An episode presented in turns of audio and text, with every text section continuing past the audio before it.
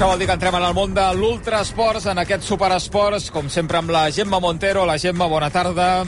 Hola, Xavi, bona tarda. I avui, Gemma, complim una tradició. Sempre que comença l'any hem de parlar amb el Pau Capell. Això és una tradició de fa ben bé set anys i, i la mantenim. La mantenim sempre per aquestes dates i, per tant, avui ens visita a l'estudi en Pau Capell. Sí, senyor, i aquest 2023 també la mantenim i ens fa molta il·lusió. Hola, Pau Capell, bona tarda.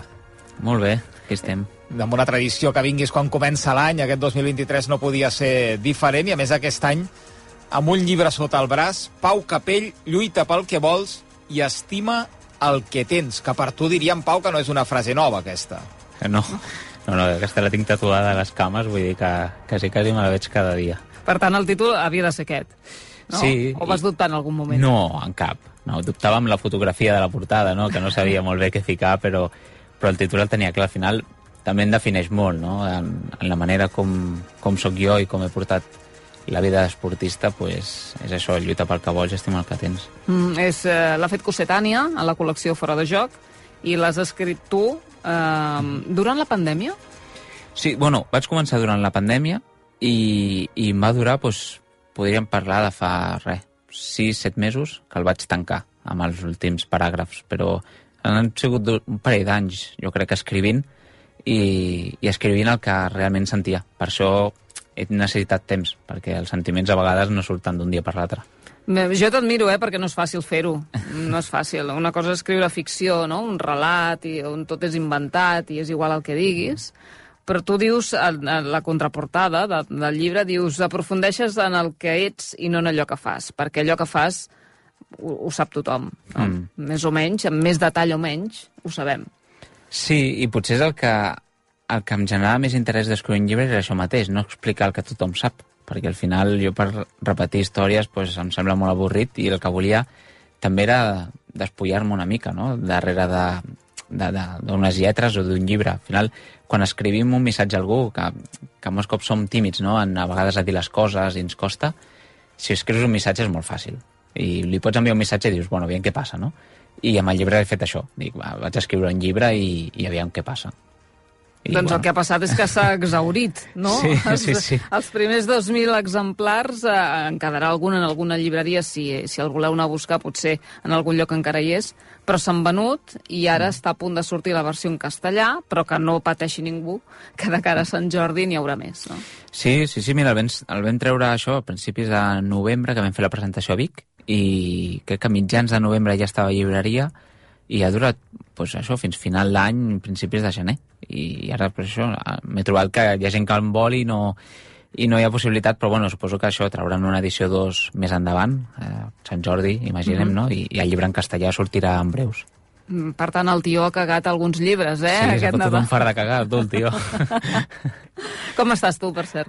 Bé, molt bé, molt bé, començant ja temporada. Eh, el típic, al gener, bueno, quan vinc aquí pues, sempre parlem no, de la temporada i què passarà i tot això, i, i bueno, bé, molt content, eh, estic feliç. I, I és un moment bo de la meva vida, estic feliç, molt tranquil. Eh, salut per la família, que és important, i, i molta estabilitat, que parlo també en el llibre de l'equilibri, i Mm. avui dia pues, el, tinc, el tinc bastant bé.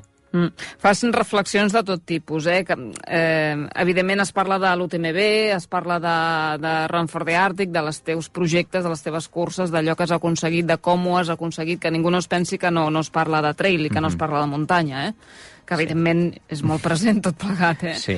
Al final és resumir el títol, eh? Lluita pel que vols ve, ve a ser el córrer, el somni, Sí. no? I això, en, òbviament, forma una part... El llibre té, té una presència important. Però l'estima el que tens també té una presència important. Hi ha capítols que només parlo d'això, de qui som, de d'on venim, de què sentim, i molts cops, i m'han preguntat, i em fa molta gràcia, diuen, Pau, però, bueno, i quan escriure... Tu l'has escrit al llibre, jo segur que no l'has escrit, i dic, no, no, però si és que he escrit del títol al tancament del llibre, o sigui, I perquè no s'ho creuen, Pau. pues no sé si la societat es pensa que un esportista és tonto de naixement i no pot escriure un llibre, que és molt, molt possible, però no, no sé si és per això, però, però realment em, em sorprèn molt quan m'ho diuen. I sí que és cert que hi ha llibres d'esportistes, no caldrà nombrar, però que hi ha llibres esportistes de trail que no els han escrit ells, que han, han enviat missatges de veus a un escriptor o una persona que li ha d'escriure i li han escrit el llibre. Però jo l'únic missatge de veu que li vaig enviar a l'editor va ser ja tinc el llibre fet. I llavors va ser envia mal. I se'l va revisar i el van publicar. O sigui que estic content per això, perquè és un doncs llibre és molt 100% personal. Pau Capell. molt eh? personal, ja està. I tant, i tant. Tant si agrada com si no, eh? però ja et dic que és... l'he intentat mm. fer amb el cor ben obert.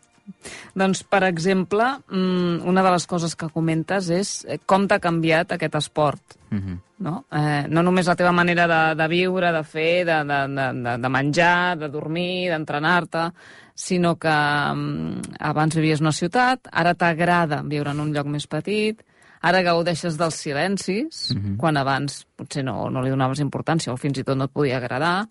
Com t'ha canviat tot això, no?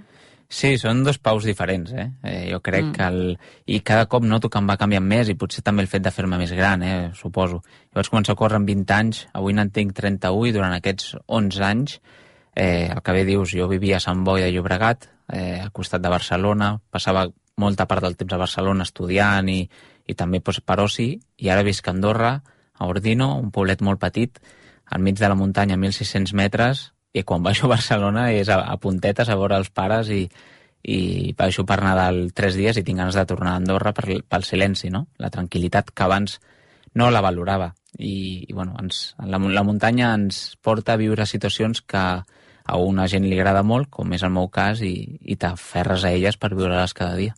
Mm -hmm. El resultat és important, però el camí és la clau. És una altra mm. de les premisses del llibre Mm -hmm. i de la teva vida. Sí, perquè si et fixes només amb el resultat, no arribes. O arribes molt malament. En canvi, si et fixes més en el camí, el resultat al final és conseqüència del camí. I queda molt bonic dir-ho i molt metafòric, però és, és totalment cert. Jo, quan, quan no em vaig fixar en guanyar l'UTMB, vaig arribar a guanyar l'UTMB. I després, quan anys posteriors, o fa un any o fa dos, em vaig fixar en guanyar l'UTMB, però només amb el resultat de la victòria, no l'he guanyat. Llavors, és, et queda molt clar que el camí, si no disfrutes del camí, no disfrutaràs mai del, de la cursa. Després la cursa pot sortir millor o pitjor, però cada dia hem d'entrenar. Jo cada dia entreno 5-6 hores. Com no m'agrada entrenar, el camí es pot fer molt llarg fins a arribar a la sortida d'una cursa i, i és bàsic, és bàsic que t'agradi el que estàs fent i aquest camí doncs, ha de ser intentar que sigui el més planer possible però que al mateix temps sigui molt dur. Un, un camí que va començar, no sé si dir per accident o per mala mm. sort, perquè tu practicaves altres esports i això ho expliques mm. potser amb algun detall de més um, quan uh, t'han d'operar, no? Mm. I, I et canvia la vida en aquell moment. Sí, sí, sí, jo ja et dic, eh, em, vaig, em vaig tancar la cama i, i a partir de llavors, gràcies al, al doctor Godai, que per cert, ja que estic al situ perquè fa molt que no sé res d'ell i suposo que deu seguir operant, però, però bueno, va ser el, el, el que em va animar a córrer. I ja que em va dir, bueno, va, va, vés, vés a fer muntanya, tu, aviam què passa. I tu vas dir, què diu aquest? Exacte, vas dir, aquest tio m'ha operat, però ja està bé, no?, de, de fer tonteries, perquè, hosti, eh, anar a la muntanya a córrer, i ja et dic, amb 20 anyets anar a la muntanya i, i veure un món que era diferent, un esport diferent, va ser un descobriment i va ser, puf, això ho he d'exprimir, he de començar a descobrir què hi ha aquí darrere i aquest bosc cada nit comencen a sortir sorolls que no sé què són i això m'enganxar, pues, va, va ser un amor a primera vista, pues, potser el, el millor amor a primera vista que he tingut mai, vaja. déu nhi Mira, deixa'm que destaqui una de les frases que s'ha après de la teva mare, que expliques, que és escoltar el silenci. Mira, l'altre dia caminava amb ella, no, no recordo on, i, i em deia, Pau, el que dius al llibre t'has adonat que és veritat. I dic, sí, mama, si ja, ja em dic que, que ho sento així, que, que escoltar el silenci és meravellós. Molts cops no, no tenim temps d'escoltar el silenci. Al Nadal no tenim temps d'escoltar el silenci amb les reunions familiars, menjars, però en el dia a dia que, que anem tan puf, amunt i avall, sorolls, ciutats, històries, el moment aquest d'escoltar el silenci de silenci, que no el podem fer a la ràdio, però un silenci sepulcral i, i saber escoltar-lo, això és meravellós. I avui dia, mm. doncs, al meu dia hi ha molt silenci. Per desgràcia, molts cops entreno molt sol i, i tinc silenci constant. Mm. La família és molt important per tu, Pau. Eh, Mm. a més, està present, jo crec que a cada capítol del llibre, d'una manera o altra, eh, al final, per exemple, trobareu també eh, l'aportació de, de gent important pel, pel Pau, com és la Laia Diaz, la seva entrenadora, el Negrífols, nutricionista, i, i precisament un amic, eh, el Pau Galí, però també la teva família, la teva germana, el teu germà, els teus pares. Mm -hmm. Són indispensables. Sí, sí, sí, al final em moc per sentiments i jo crec que, que ens haurien de moure tots per sentiments i, I, i el problema d'això és que quan aquests sentiments no estan alineats tens un problema a la vida que, que, que també l'explico en el llibre, eh? però quan, quan estan alineats, per sort avui doncs estan molt ben alineats amb la Laura, els meus pares, germans, com deies, el Galí, el, el, el meu amic, eh, altres amics que també han escrit, la Laia, tots aquestes persones formen part important de la meva vida i, ostres, eh, agrair una mica, ni que sigui amb un llibre i després, òbviament, a les curses poder tenir-los a prop. Eh, a l'Ultrapirineu, ja ho vas veure, doncs allà tenia el meu nebot, que no ha vingut mai, i, i diu, oh, això està propet a casa, va, doncs vinc. I jo trobar-me al, al quilòmetre 60, a Gòsol, allà però em vaig fer que plorar. I dius, hosti, però per què plores? I dic, no ho sé, però ajuda'm, fica'm crema a la cama. I, i el pobret allà fica'm a crema. Vull dir, aquests moments que ens els quedem per nosaltres, ens els quedem per sempre. Mm. I hi ha un que m'ha sorprès perquè potser és una de les despullades del llibre. No, no vull estripar molt el llibre, tampoc, eh? però és, és en, quan parles del cop de timó. Mm. Sí, sí. No sé si vols donar molts detalls sí, d'això. bueno, això el que, el que vegis tu, però, però sí, parlo d'una metàfora no, del llibre que és... Eh, jo de petitona molt al mar i, i hem anat molt amb els meus pares a navegar i, i feien la metàfora de que, que jo sóc un tio mogut i em van deixar un dia portar el vaixell, el, el petit barco de, de 8 metrets que tenim i que acabem tots allà com sardines a vegades i, i vaig fotre un cop de timó al volant que, que quasi sortim tots volant, no? I em va passar alguna semblant a, com a tot home, eh, com a la vida, i va ser canviar de vida. Que quan millor estàs tu professionalment parlant, doncs has de canviar el timó i has de donar doncs, un cop de volant per la situació que tens a la vida. I ho vaig fer i me'n vaig anar a viure a Andorra, eh, la meva relació personal va acabar i, i va començar una nova etapa. I, i costa molt, molts cops, no?, de fer això. I, però quan ho fas i no t'ho esperes, dius, bueno, doncs ara el, el dia de demà tornarà a sortir el sol i t'has de tornar a llevar i, és, i el món no para, eh? El món, el món sempre No. segueix. I aquest és el tema, que com paris tu, se- el tren et passa i se, i se t'emporta. I has d'anar picant pedra i anar seguint vingui el que vingui. I mira si ha sortit el sol, eh? mira si Sí, han home, passat sí. coses després i, i Sí. tot... Eh, bueno, tu ho has dit en començar, que estàs molt feliç, Sí, que sí, tot sí. va molt bé, no? Sí, i, i estic molt bé per això també, eh? perquè com tota la vida tot acaba, el, tot el riu acaba al mar. I el riu molts cops, doncs, bueno, durant el camí doncs, es va desviant i és normal. I, I a vegades no plou i el riu no té aigua. Però bueno, quan plou doncs, torna, torna a tirar. I, i bueno, mentre tiris amb la gent que, que tens a prop, per això l'estima el que tens és tan important i el recalco tant al llibre, no? que Mm. lluitar pels somnis està molt bé. Jo sempre ho dic, jo la temporada 2023 tinc les meves curses, tinc, ho tinc tot molt ben planificat, però ara quan vagi sol no arribo al final, eh? Vull dir, o començo Clar. la temporada amb els meus o no arribo al final, perquè o et canses de, de la solitud, o et, o et sents sol, o et sents poc estimat, i, i no pots estimar, i també és molt important estimar. I també parlo d'això, eh, de la paraula t'estimo, i al llibre ja us dic, eh, potser hi haurà gent que busca un llibre competitiu, de trail, només No, d'entrenar... no és i això. No, no és No, això. no. També és veritat, si hi ha una, un altre llibre, que és possible, eh, qui no llegeix aquest no entendrà el segon. Perquè aquest Això és està el, bé, veus? Sí, aquest és la, la definició d'un esportista i, i el que som. I si no entens com som, no, no sabràs el que fem. Uh -huh. Doncs, eh, per tant, és la primera part del que mm, ja vindrà. Eh? Ja ho veurem, ja, ja ho veurem. Doncs vinga, a poc a poc i bona lletra. Primer llegirem aquest i després, eh, quan surti el segon, també, evidentment, llegirem el, eh, el segon. De fet, aquest ja, ja l'hem llegit de dalt i de, per dalt i per baix. Deixa'm destacar també el paper de la nutricionista, Pau, l'Anna Grífols. Tu vas fer un gran canvi amb ella, aprenent moltes coses, i ella diu, i em va fer gràcia, Minta sabe rebaixar les cames de futbol sala que tenia. Tal qual, eh? Quan em va veure em va dir "Uf, aquest cos, Pau, no... I, però és que és el meu. I diu, ja, però això no quadra molt amb el que... Lleugeresa, no? Ella Exacte. buscava ser més lleuger. Sí, ser una mica cabreta, no?, de la muntanya, que veus una cabra així saltar àgil, i em diu, Pau, però és que amb això ets més un poni. I vaig dir, ja, però filla... I diu, bueno, dona'm temps, em va dir, dona'm temps. I li he donat temps i la pobra pues, s'ho ha, ha currat. Sí que Però és... tu també t'ho has currat. va. Sí, sí, però bueno, un planning és més fàcil.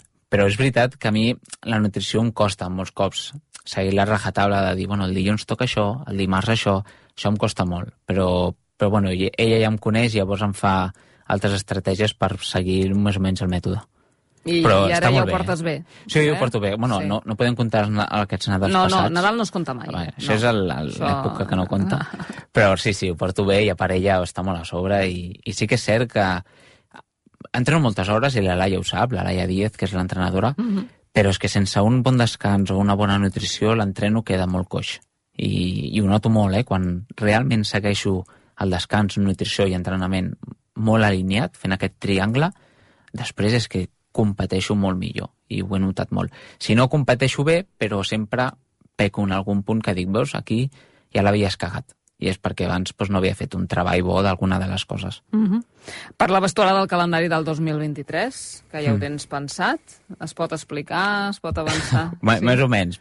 Sortirà algun vídeo a prop, o sigui, d'aquí poquet, però sobretot és anar fins al Mont Blanc. O sigui, fer aquest camí fins al Mont Blanc, que és la cursa doncs, que l'any passat no vaig poder acabar, que em van, em van dir que no podia seguir, mm. i, i bueno, que tinc ganes de, de tornar-hi i fer bona feina com, com va passar el 2019 aquest és l'objectiu principal. I després seguiré segurament a Circuit Spartan, que diguem és l'única lliga oficial de, de curses de llarga distància, però la prova major, la millor prova, la final, diguem, és l'Ultratell del Montblanc. I passaràs per, per la segona, no sé si dir segona casa o tercera casa, que és Transgran Canària. Sí, sí, aquesta és la, la cursa. Eh, porto, crec que, si no recordo malament, dos anys seguint per fer la manita, perquè he guanyat quatre sí. cops i tinc moltes ganes Correcte. de, típic de dir... L'any pues... passat no vas... Bueno, aquest any no vas poder, Exacte. el 2022 sí, sí, no vaig fer poder. segon i, i bueno, tinc moltes ganes d'aconseguir aquesta victòria, que costa molt eh, guanyar una cursa, però, però bueno, és allò de dir, bueno, va, aviam si podem. Eh, jo tinc un, un esportista que vaig seguir quan començava a córrer, crec que en el, en el llibre no el cito, però és el Marcel Zamora. Home. I és un mític. Eh, estaria molt barret, eh? Exacte. Sí pues ell va aconseguir 5 victòries a l'Embruman, crec que és, no? I, i recordo una foto seva a, fent la maneta, no? I dic, hosti, aquest tio ha guanyat 5 cops un Ironman i, i deia, hosti, quin potent tenim aquí a casa, no? I poder aconseguir aquesta cinquena em fa molta il·lusió. I és, una, és un dels, el segon objectiu de l'any és la Transan Canària. Molt bé. I Va. després, entre mig, ja saps, sempre passant de tot, eh? Patagònies, ah, no, clar, sí, Andorres, sí. Eh, altres curses, però bueno, és, és per focalitzar més l'interès de la gent és a Gran Canària, que és a finals de febrer, i a l'agost és a Chamonix. De fet, el, aquest llibre que tenim aquí, aquest exemplar, eh, Xavi Pau, si us sembla, el que farem és sortejar-lo. Sortejar-lo entre tota aquella gent que ens enviï mm, un tuit a arroba ultrasports guió baix responent a la pregunta en quin any va guanyar eh, Pau Capell l'UTMB. És molt fàcil, és molt, és molt fàcil, molt senzill. Eh, per tant, entre tots, sortejarem aquest exemplar. Dedicat, eh? Dedicat pel Pau. Doncs quin gran regal. Eh, arroba ultrasports guió baix, amb eh, la resposta a la pregunta de quin any va guanyar l'UTMB en Pau Capell i deixarem aquesta setmana i la setmana que ve farem el sorteig entre tots els encertants d'aquesta pregunta i s'emportaran el llibre assignat pel Pau Capell. Més coses, Pau, a veure, que formes part d'aquesta associació professional de trail runners. Això, Pau, sona una mica com, no sé, com una mena de sindicat del vostre sector, no? Sí, vindria a ser un sindicat d'esportistes professionals de trail running, una, una associació per defendre, sobre defensar els drets en general dels esportistes. Ja poden ser parlem de maternitats, eh, poden ser contractes professionals, poden ser eh, doping a l'esport, quins, quines curses s'haurien de fer els esportistes, les federacions... Eh, avui en el trail hi ha molta afició, però per la part de l'esportista no hi ha ningú que ens defensi. I, i necessitem algú que, que, bueno, que, que fiqui una mica també les regles dels esportistes, que molts cops som una mica titelles en això. I a feina a fer, doncs, no? Molta, massa. Clar. Molta. Ara tenim reunions online, perquè estic, això, dintre del comitè som set esportistes, entre els del Kilian, estic jo, hi ha tres noies també, dos nois més, hi ha un secretari general, que aquest secretari general sí que treballa per nosaltres. Eh, sí que és l'única persona que cobra. L'única doncs. que cobra, mm. perquè algú ha de fer la feina clar, clar, més, clar, més... administrativa. Exacte. Mm. Però els altres no cobrem res, simplement, doncs, bueno, col·laborem amb la causa de que defensar els drets dels esportistes. I la gent pregunta que, com se li paga aquest tio, no? aquesta persona, és una persona, un noi. Pues, bueno, hi haurà primer donacions dels esportistes primerament, després dels sponsors, també s'haurà de demanar de les curses, de les federacions, perquè pues, recolzin també pues, que hi hagi un sindicat d'esportistes. Perquè això beneficiarà l'esport. Que els esportistes vagin a unes curses amb uns drets també donarà un servei a la cursa. Evidentment, doncs, eh, aplaudeixo la iniciativa perquè era un terreny que, bueno, que tenia aquest buit, no? Mm. Eh, que és important. Estem acostumats a parlar d'això sobre el futbol no? o, el, o el bàsquet i grans esports eh, més, més massificats, més majoritaris, però la muntanya i, a més a més, amb el desordre que hi ha en algunes competicions, federacions i calendaris, doncs també és un punt important. Sí, molts cops no sabem qui és campió del món, per dir una tonteria. Per exemple. És, una, és No, campió una de... tonteria que no és cap tonteria. No, però, però bueno, clar, és, quantes campionats del món hi ha? Hòstia, és que hi ha un campionat del món d'aquí, d'allà, de l'altre. No, no té cap sentit. O eh, persones que es vulguin dedicar a aquest esport, nois joves, que puguin mirar cap a dalt i dir no, no, és que aquesta persona és una esportista que es guanya bé la vida i es pot retirar de l'esport amb 40 anys, per dir, un- per dir alguna cosa, no? i que després amb les marques doncs, puguin entrar a col·laborar amb elles i que se li doni un pla de futur perquè un- una persona de 18 anys, jo estic pensant, eh? Jan Torrella, un gran atleta que tenim aquí a casa, Mm. 18 anyets, de vagar amb un potencial molt gran, doncs hauria de tenir un projecte de futur. Pues se li ha de donar a aquesta gent, no? O Sara Alonso, noia jove i tal, pues han de tenir un projecte futur. Pues S'ha de buscar la igualtat, bueno, tota aquesta història, ja et dic, hi ha molta feina i, i ara estem, bueno, tenim una pila de papers de dir quants temes tenim sobre la taula i quins han de ser prioritaris. I s'ha de donar Clar. prioritat a alguns. S'ha de començar a fer feina per algun eh, punt en concret. Però, Mm. No arribarem a tot, perquè tot no es pot el primer any, però ni que sigui un o dos punts de dir, bueno, aquests punts els tancarem aquest any i, i els guanyarem, doncs, eh, això ja serà positiu. Molt bé. De qui ha sigut la iniciativa de començar a fer tot això? Doncs mira, eh, aquesta iniciativa porta anys, eh, perquè abans de córrer jo, que t'estic parlant de fa uns anys, ja es va provar de fer això, que no, no va sortir, i fa dos anys, en pandèmia, ja vam fer un míting amb el Kilian, òbviament, que estava sempre, sempre estava allà, i, i amb altres esportistes, per tant, estic parlant de fa un parell d'anys, no? un parell, dos anys i mig o alguna així, ja vam començar amb això. Es va paralitzar perquè van començar les curses a sortir, i llavors tothom, Mm. amb presses de córrer, es va paralitzar, i ara justament fa 3-4 mesos es va tornar a iniciar i, i sobretot el Kilian, el Pascal, que és un altre noi de Suïssa, i un italià que es diu Pupi, aquests tres es van reunir, van fer l'empresa, que és una associació en base a Suïssa, Uh -huh. eh, legislació, legislació suïssa, i llavors vam començar a fer-ho tot amb els altres membres que estem a la, a la Junta. Doncs que hi hagi sort i paciència, Pau, que segur que la necessitareu. I, per cert, tornant al llibre, n'has amagat un exemplar a una muntanya. Un dels que em quedaven a casa, que els tenia que... Jo tenia poquets exemplars, la veritat, tenia molt pocs, però per la família tenia tots i em va quedar un. I llavors vaig pensar, dic, home, va, què faig amb aquest? A qui li donc? I, i he cregut oportú que li dono la possibilitat a la gent que corre i que s'ho vol currar que el pugui llegir. I llavors, doncs, bueno, l'he amagat a la muntanya. L'has amagat a una muntanya i qui el troba ha de llegir-se'l Correcte? i tornar-lo a amagar. Sí, té Eh? una setmana.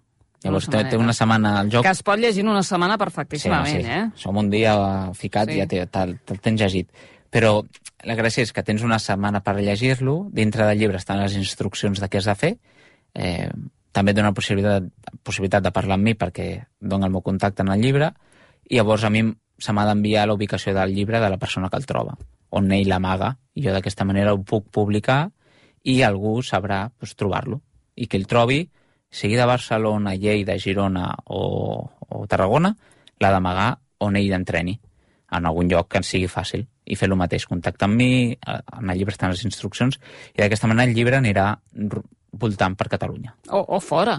O fora, però a mi m'agradaria que es quedés aquí. Aquest. Sí? Sí, perquè és en català, estem aquí a casa, i que es quedés per Catalunya, que no me'l fiquin a, a França, perquè llavors ningú l'entendrà, que està en català. Llavors, que es Bueno, quedi... però hi ha catalans arreu, eh? Sí, això sí que és veritat, però bueno, que li agradi la muntanya, corri, vulgui buscar el llibre, sí ja no massa sé. coincidències, no? Però, però bueno, és això, donar possibilitat, pues això, gent esportista pues, que el pugui trobar i, escolta, i si el trobes i el vols llegir enmig de muntanya perquè et ve de gust i tens temps, pues, t'hi pares, el llegeixes i el deixes un altre cop. Doncs ja ho sabeu, esteu atents, si aneu a entrenar-vos o a córrer per la muntanya, no fos cas que trobeu el llibre del Pau Capell. Pau, moltes gràcies per haver-nos acompanyat amb aquest Pau Capell, lluita pel que vols i estima el que tens. Exacte. La base de la vida. Gràcies. A tu. Gemma, què més hem d'explicar? Estem en plena època de mercat, per exemple, època d'altes i baixes en el món del trail, de la muntanya, i segurament el nom d'aquests dies ha estat la Sara Alonso, que ha deixat Salomon i ha marxat a ASICS, ara està lesionada, per tant el seu primer objectiu és eh, posar-se bé i començar a treballar durant 3 anys amb la nova marca Per tant, Clàudia Trems ha anunciat el seu adeu a ASICS després de dos anys i mig i d'aquí pocs dies coneixerem per qui fitxa la Clàudia Trems. És a dir, que no, no només hi ha marcat el futbol, sinó que també en el món del trail i de les marques. D'altra banda, hi ha més de 12.000 sol·licituds, 12.000 sol·licituds per 225 places per disputar la C-Gama. Segurament és el sorteig més bèstia, és a dir, més difícil del món del trail, eh, a Espanya segur, però jo crec que a tota Europa. El sorteig es farà el dia 24 de febrer.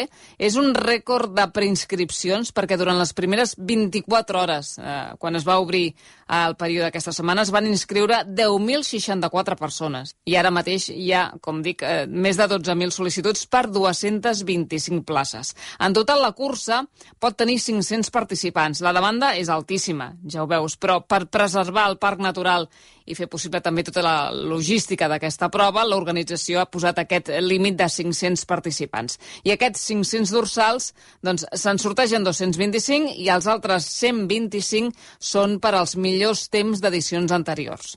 La prova es disputarà el 13 de maig, però, insistim, el sorteig el dia 24 de febrer.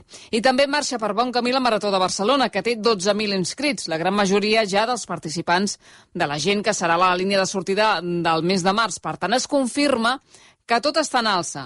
Trail, asfalt, tot està en alça novament després de dos anys d'anul·lacions, protocols i canvis de dates per culpa de la pandèmia.